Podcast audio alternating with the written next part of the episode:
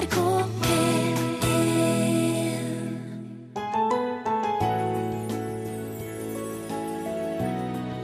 Latskap er ofte ikke tegn på at du er et dårlig menneske, men det er et tegn på at du har en eller annen form for sperring, noe som holder energien din tilbake. Eller det kan bety at du for alvor er på vei inn i sommermodus, kanskje. For blir man ikke litt lat når dagene blir lange og varmen setter inn? Panelet vårt tenker på dagdriveri. Ordet som skal plukkes fra hverandre i dag, er latskap. Vi får også et kjæresteportrett av Ingunn og Stig i dag. De har levd et kronglete liv og har litt andre drømmer enn folk flest. Å innrede sammen og kanskje kjøpe en TV til og med. Liksom sitte og se på TV som andre folk på kveldene. Det er de enkle ting i hverdagen. Ja, de der enkle, Ja, de koselige der enkle tingene. Bare det å ha sin egen nøkkel. Sant, ja. Kunne låse inn i sin egen leilighet. ikke sant? Ja. Margrethe Nåvik heter jeg, som gjerne trenger denne påminnelsen. Det er ikke alle som har en TV å se på, eller en nøkkel å låse seg inn med. Men, sier Ingunn og Stig, kjæresteparet, det er ikke et spørsmål om vi skal få det her på plass. Spørsmålet er når? Jeg følte meg helt topp. Så jeg var, var jo veldig en nedtur å bli henta tilbake igjen. Så eh, i etterkant så har jeg jo tenkt at eh, hva var det her det dreide seg om? Altså hva var det, var det det her som var å dø? For i de minuttene hjertet sto stille, så følte han seg mer levende enn noensinne.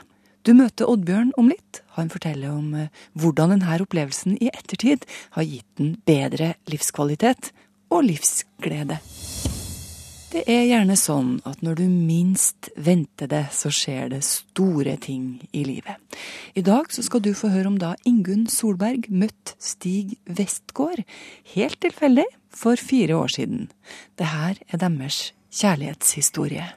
Det var en augustkveld i 2010. Det var kjempefint vær. Vi hadde praia en taxi, jeg og to venner av meg. Og vi skulle, skulle opp og målt på nachspiel. Det er en av de sommerkveldene en ikke har lyst skal ta slutt. Ingunn og vennene hennes er på byen i Trondheim, men vil fortsette festen utenfor sentrum. Når taxien skal til å kjøre, dukker Stig plutselig opp. Han kjenner en av kameratene til Ingunn. Jeg kom gående forbi, så så jeg han. Jeg hadde ikke lyst til å avslutte festen. Jeg hadde lyst til å være med på den privatfesten, jeg òg, da. Så jeg krangla meg med på festen. Du krangla deg med inn i taxien. Ja. Nei, jeg har aldri sett den før, så jeg var jo totalt oppgitt. Herregud, hva er det for noe? Det har gått fire år her. Slik begynner historien om Ingunn og Stig. Jeg møter dem i Vår Frue kirke i Trondheim. Ei åpen kirke med en liten kaffekrok, der hvem som helst er velkommen. Det mørkebrune håret til Ingunn ligger fint nedover skuldrene. Den hvite toppen med sommerfugler skaper en fin kontrast. Stig ser på Ingunn. Ingunn ser på Stig. Øynene gløder. Ingunn legger hodet sitt inntil Stig. Han holder rundt henne. De er glad for å være to. Livet har ikke alltid vært så enkelt. Jeg har jo prøvd å skjule et alkoholmisbruk fra jeg var 17. Sant? Det, det, det, livet mitt har vært en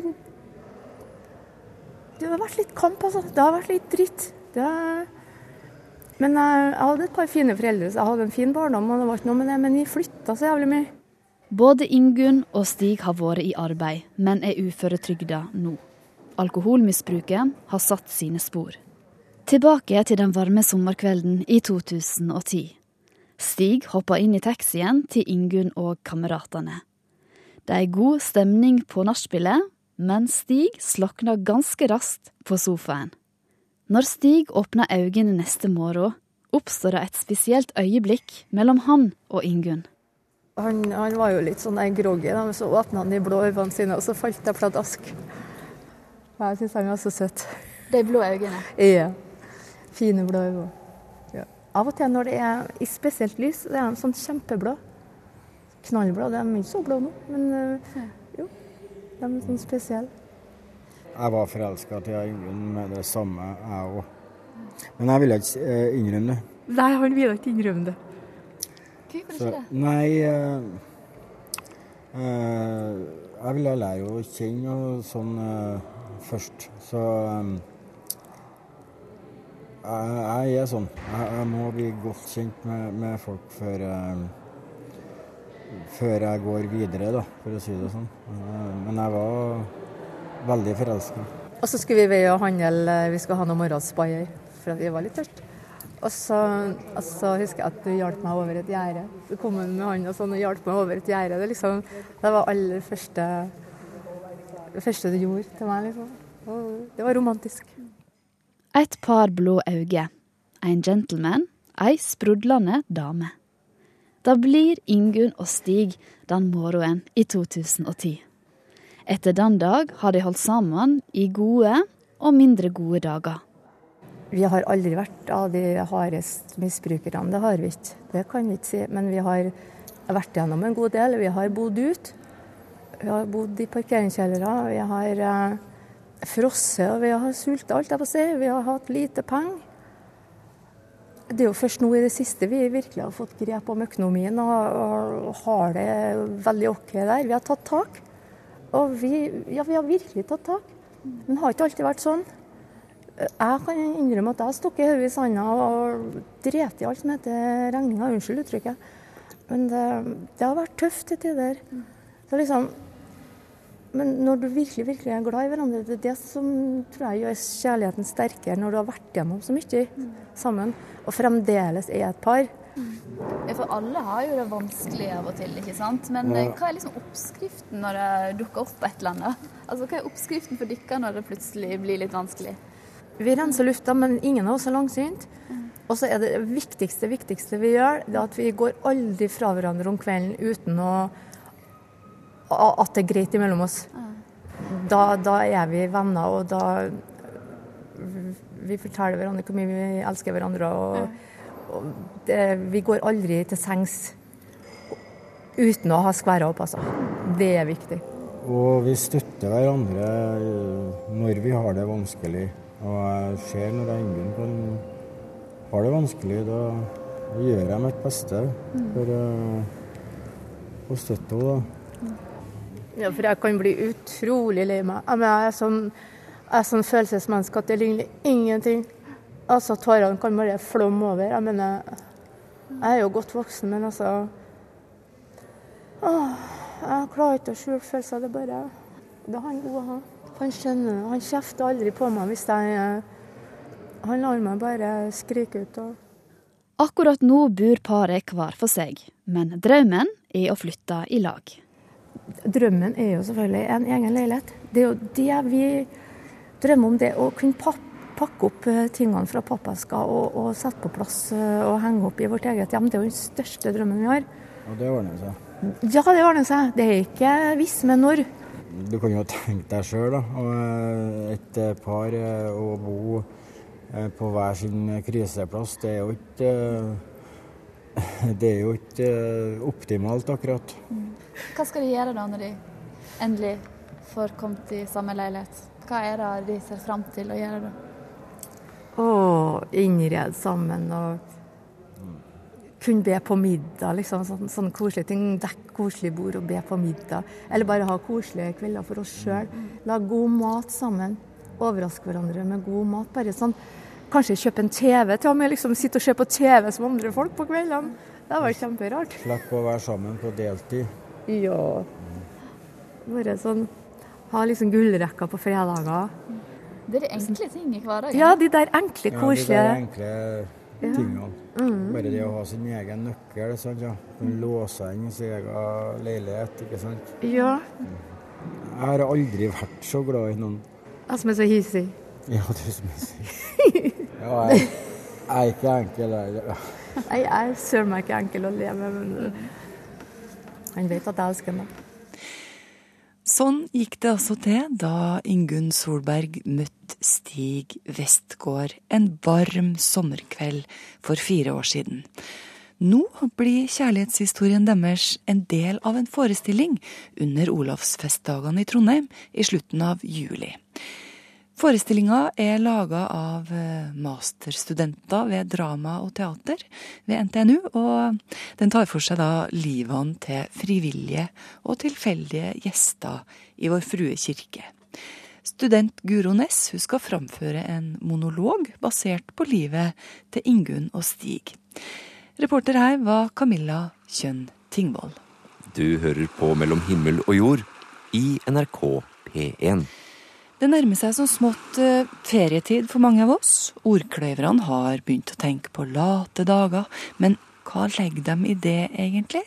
Hva består en lat dag av? Ordet i dag er latskap. Panelet.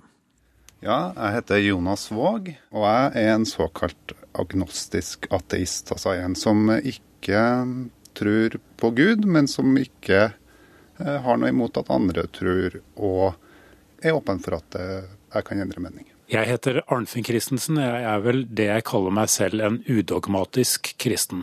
Jeg heter Øydhild Skoglund, og jeg er en ekte agnostiker. Jeg tror ikke spesielt, men jeg vet ikke om Gud finnes eller ikke. Latskap er ofte ikke tegn på at du er et dårlig menneske, men det er et tegn på at du har en eller annen form for sperring, noe som holder energien din tilbake. Mm. Altså, egentlig så de aller fleste mennesker, hvis du bare trykker på den rette knappen i dem, så vil du se at de har så mye energi at det bare fosser ut. I det samfunnet vi har i dag, så er jo folk nødt til å ta jobber som de kanskje ikke kjenner at de har en sånn eh, Det var ikke det de så for seg at de skulle gjøre i livet sitt. Mm. Hvis du lever et liv i tråd med de verdiene du har og det du så for deg at du skulle gjøre, så får du også ekstra energi til å kunne utøve det arbeidet. Så, mm. så, det er mange som føler seg fremmedgjort, hvis man skal bruke et uh, gammelt begrep. Men uh, i dag, sier du, er ikke det et gammelt jo, jo, fenomen? Det, jo, det er, et, det, det er, nok et ganske gammelt fenomen. Mm. Ja. Men i dag så har vi liksom muligheten til å lene oss tilbake? Har det noe med det å gjøre? Jeg tror det til en viss grad. Kan, kan si, hvis du går tilbake til f.eks. jordbrukssamfunnet, eh, og jeg er jo også vokst opp på gård, så vet man at man må, man må ut i fjøset og ta seg av dyrene. Det, man må klippe gress, man må høste poteter. Altså, det er så mange sånne konkrete oppgaver hele tida som går rundt. Og da handler det om, om å få de tingene unna. Eh, mens nå kan vi lett, i veldig mange av oss har type jobber som egentlig ikke har noen grense for hvor mye vi kan jobbe, og samtidig så er det ikke så konkret styrt av den type oppgaver hele tida. Og da er det lett å ende opp med, som sikkert kommer fra mye av den kristne kulturen, sånn dårlig samvittighet fordi at nå har jeg vært lat, nå har det eh, gått en time hvor jeg egentlig ikke har gjort noe fornuftig. Mm. Og det tror jeg er en type grubling som du ikke får i et sånt samfunn hvor oppgavene er så konkrete, og de må gjøres til faste tidspunkter hele døgnet, egentlig. Jeg bruker gjerne å ta det opp i terapirommet og, så, og, og si til pasientene at uh, se på meg, da, hva jeg gjør. Uh, her sitter jeg i en stol hele dagen. Uh, jeg gjør ikke altså, det, det, arbeidet jeg, jeg, gjør, det er å, det er å lytte. Det er ikke nødvendigvis sånn at, at andre, altså, sånn andre, oppfatter deg. Det trenger ikke å være fasitsvaret på hva du gjør, om hvorvidt du er en lat person eller ikke. Mm. For å bruke et eksempel med meg selv fra i går, da. For da, da hadde jeg en frikveld, så tenkte jeg nå må vi gjøre et eller annet.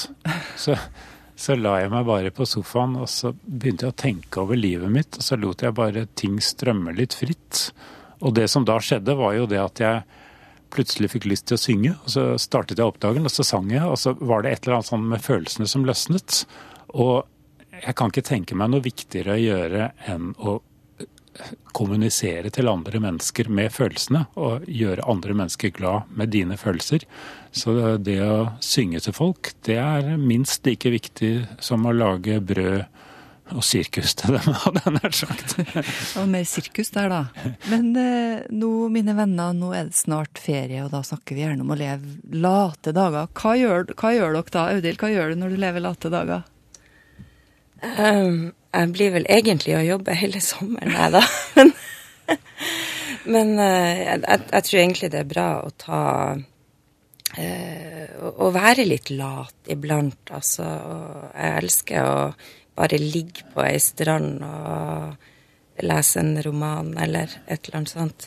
Jeg, jeg tror hjernen har godt av det, at vi av og til stopper opp, og kanskje får man tenkt sånn i det daglige, så, så, går det bare rundt. Men kanskje får du tenkt komme deg litt videre med enkelte ting. Mm. Når man har ferie, så kan du tappe andre energier og, og, komme i andre kretsløp enn det du ellers er i. Det er det jeg syns er flott med ferier. Jeg, jeg, kjenner på at etter at jeg ble pappa, så, så har jeg, så har jeg liksom ikke noe forhold til latskap lenger. Det var et ord jeg brukte til, til å sparke meg sjøl i rumpa, egentlig, i utgangspunktet. Altså det, det å si til meg sjøl at nå vær lat, nå må jeg sette i gang. Eh, men etter jeg ble pappa, så har liksom da, da fant jeg plutselig mening i det. Og da, da er det godt å være eh, bare være rundt dem. Ja, og det, det, er avslappende for meg. Det sier Jonas Våg, som sammen med Audhild Skoglund og Arnfinn Christensen tok for seg ordet latskap.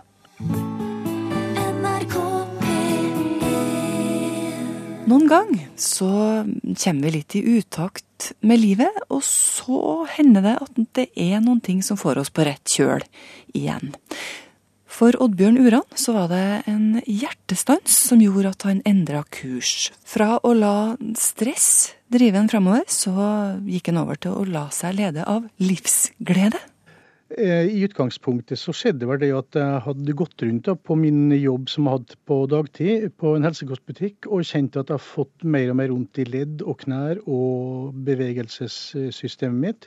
Og til slutt så stoppa det bare opp med en massiv betennelsesreaksjon i hele hjerteposen, som endte med et, en sykehusopphold og med påfølgende opplevelser. Under operasjonen så, så stoppa hele hjertet mitt. Eh, og jeg var da såkalt Jeg kaller det for at jeg var på, på blå strek. Altså hjertet var stoppa og var borte i det som er målt, og det som jeg leser ut fra min journal, det er 2 minutter og 45 sekunder. Mm -hmm. Og det føltes for meg som en hel dag. Eh, for jeg var jo ikke død på langt nær. Jeg har jo aldri vært mer til stede enn jeg var akkurat da. Oddbjørn Uran fikk en såkalt nær døden-opplevelse, altså at han mener å huske noe fra minuttene hjertet sto stille. Følelsen av ro og av å bli klar over sin livsoppgave deler han med mange andre som har fortalt lignende historier. Undersøkelser viser at nær døden-opplevelser forekommer hos ca. 20% av de som er blitt gjenopplivet etter å ha vært erklært klinisk døde. Felles for de fleste er at livet etter gjenopplivingen blir annerledes. De endrer kurs og får et annet fokus på det å leve. Det gjelder også Oddbjørn. Jeg mener sjøl at, eh, og de som da kjenner meg godt, de sier jo det at jeg har jo forandra karakter. Forandra meg på en måte å se livet og hverdagen på. På hvilken måte da? Tempoet er helt annerledes. Mm. Det er et helt annet tempo, en helt annen betraktning av det som foregår rundt meg. Eh, det er jo sånn som Det er å bare sitte ved sjøkanten og se på bølgeskvulpet, eller sitte på terrassen og følge med ørna som jeg har i like nærheten av meg, kommer morgen og kveld. Det gjør et eller annet med hastigheten din, med det å være til stede i det som jeg føler er viktig. Du, du hadde ikke tid og stunder til å gjøre, gjøre det før dette skjedde?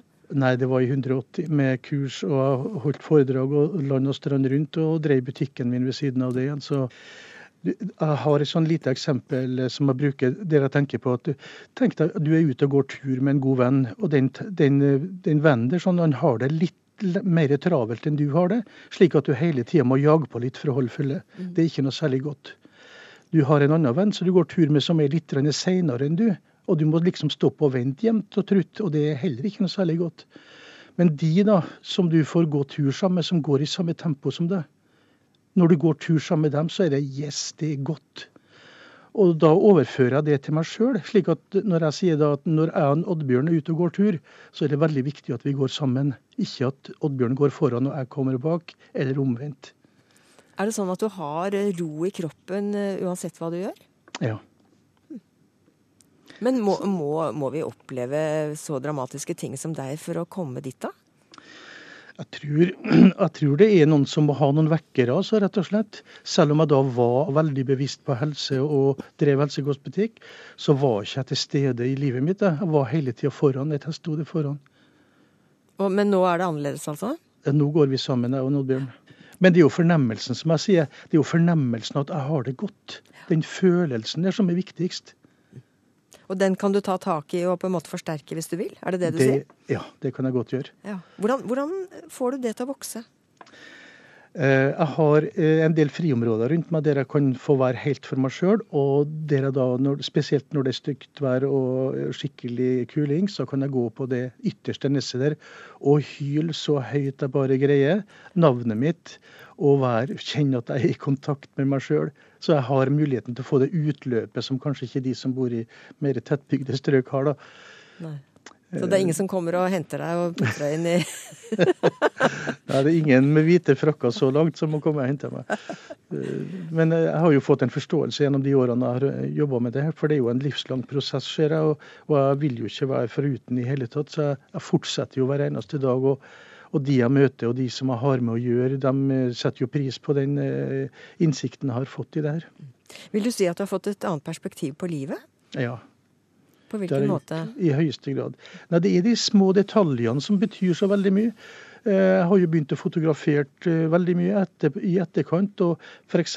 bare det å finne en liten vanndråpe på et lyngblad eller et edderkoppspinn i skogen, og sitte bare og vente på at edderkoppen skal klatre utover og i senter eller sånn, med fotoapparatet.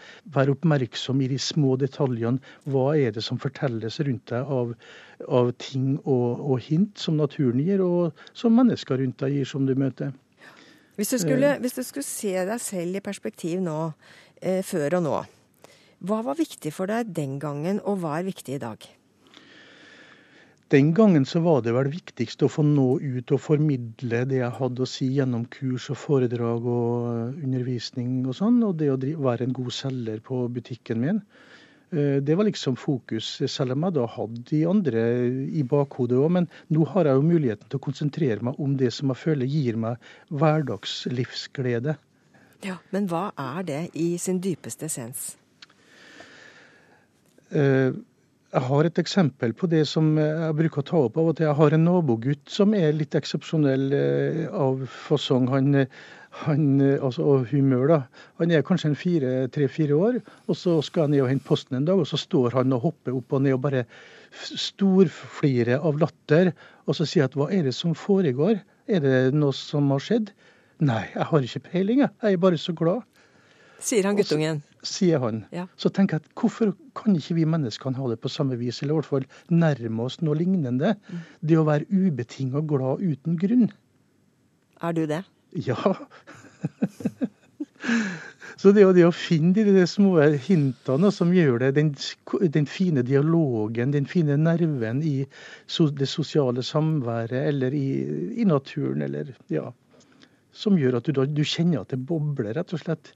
Det å legge merke til, til slike ting, eh, små detaljer, eh, hva krever det av et menneske?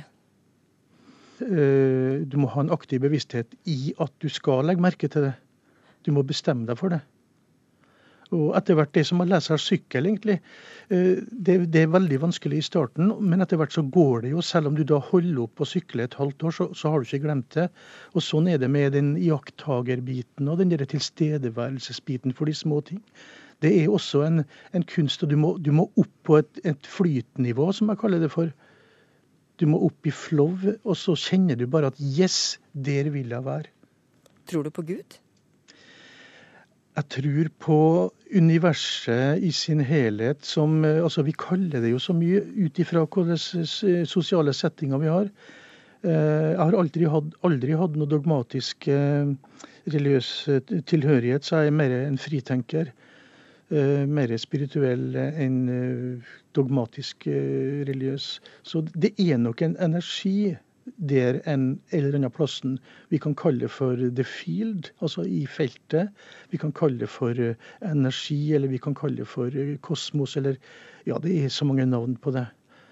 Men jeg velger å forholde meg til at det er en flyt der, sånn som jeg er veldig takknemlig for. Å få lov til å være en del av den flyten der.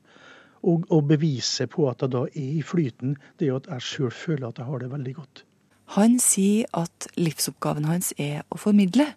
Oddbjørn Uran fra Kristiansund. For tida så dreier det seg om å holde kurs i livsglede, og såkalt mindfulness. For det kan da ikke være sånn, tenker han, at man for å bli kvitt stress og mas må gjennomleve både blålys og hjertestans, sånn som han gjorde. Reporter i dette innslaget var Miriam Wiklund. Det er alltid mange følelser når ei kirke brenner ned til grunnen. For tre år siden så brant gamle Østre Porsgrunn kirke ned. Den eh, var da 250 år gammel. Det her skjedde midt på natta, men eh, Anne-Lisbeth Leivsen hun fikk beskjed på mobilen. Ut av senga med et skrik, og mannen min lurte på hva i all verden har skjedd. Og så sier han nå brenner kirken ned. Og jeg begynner nesten å gråte fortsatt. Det var et forferdelig syn. Vi hadde gudstjeneste på søndag, den brenner natt til mandag. Vi hadde siste gudstjenesten i kirkestua før vi skulle flytte inn i kirken etter restaurering. Og så brenner den ned. Selvfølgelig var jeg lei meg. Jeg gråt da kirken brant og jeg fikk høre om det. Jeg sørger, og jeg sørger enda.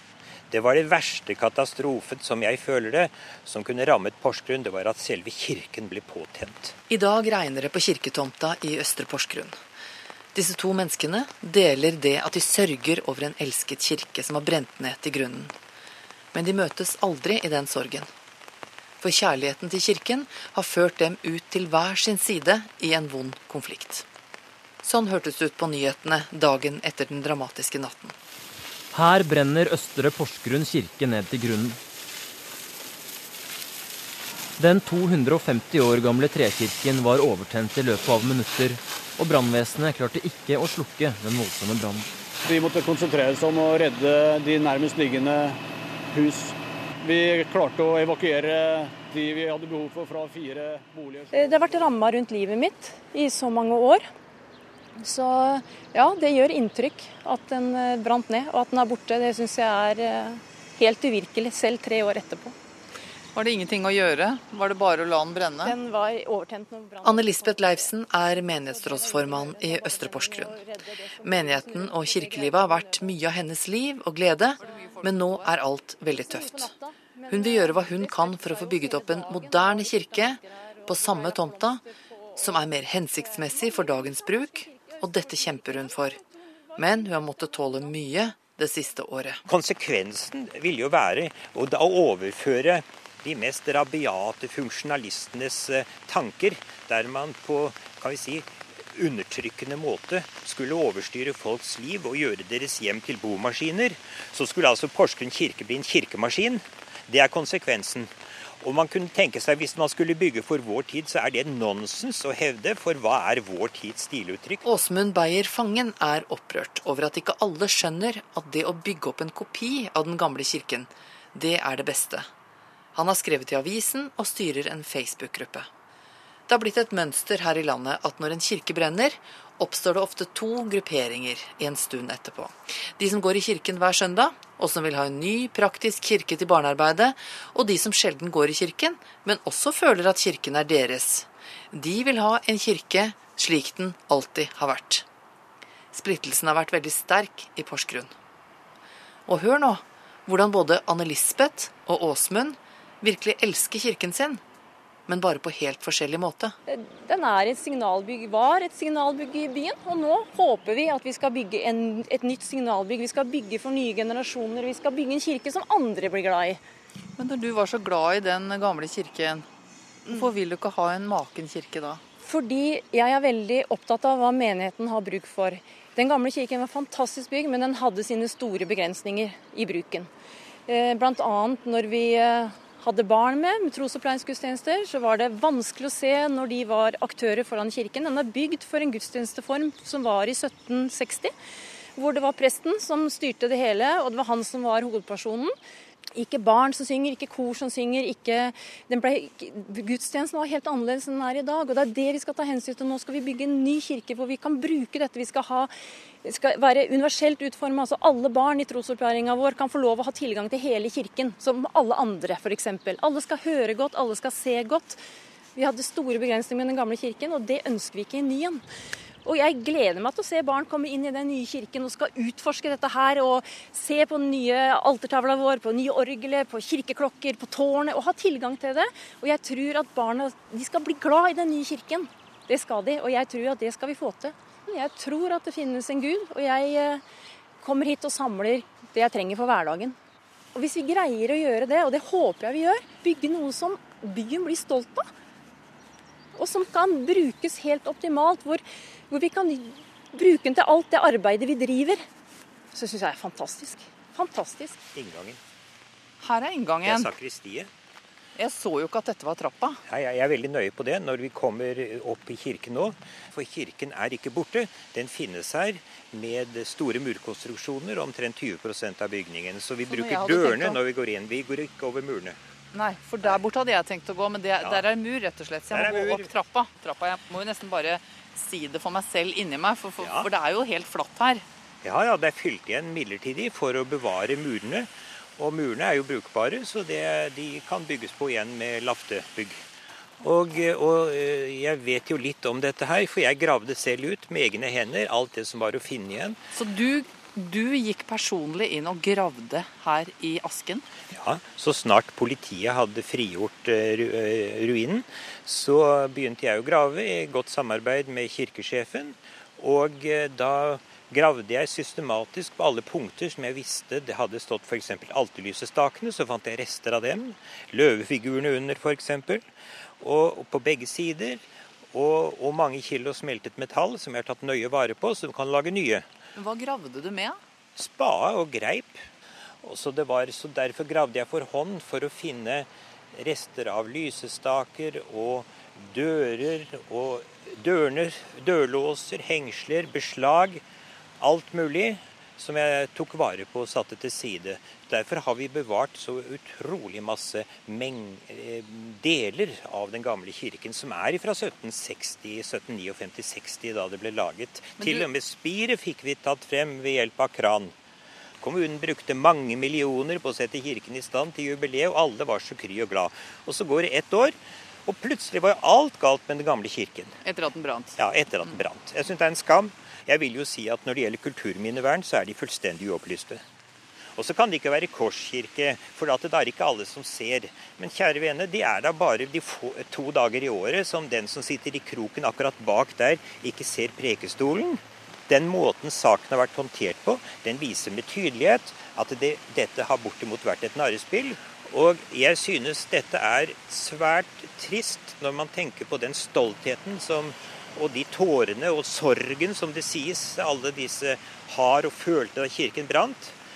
Så syns jeg ikke det harmonerer med at brannen som var påsatt, skal bli et springbrett for å rasere det som brannstifterne ikke klarte å ødelegge.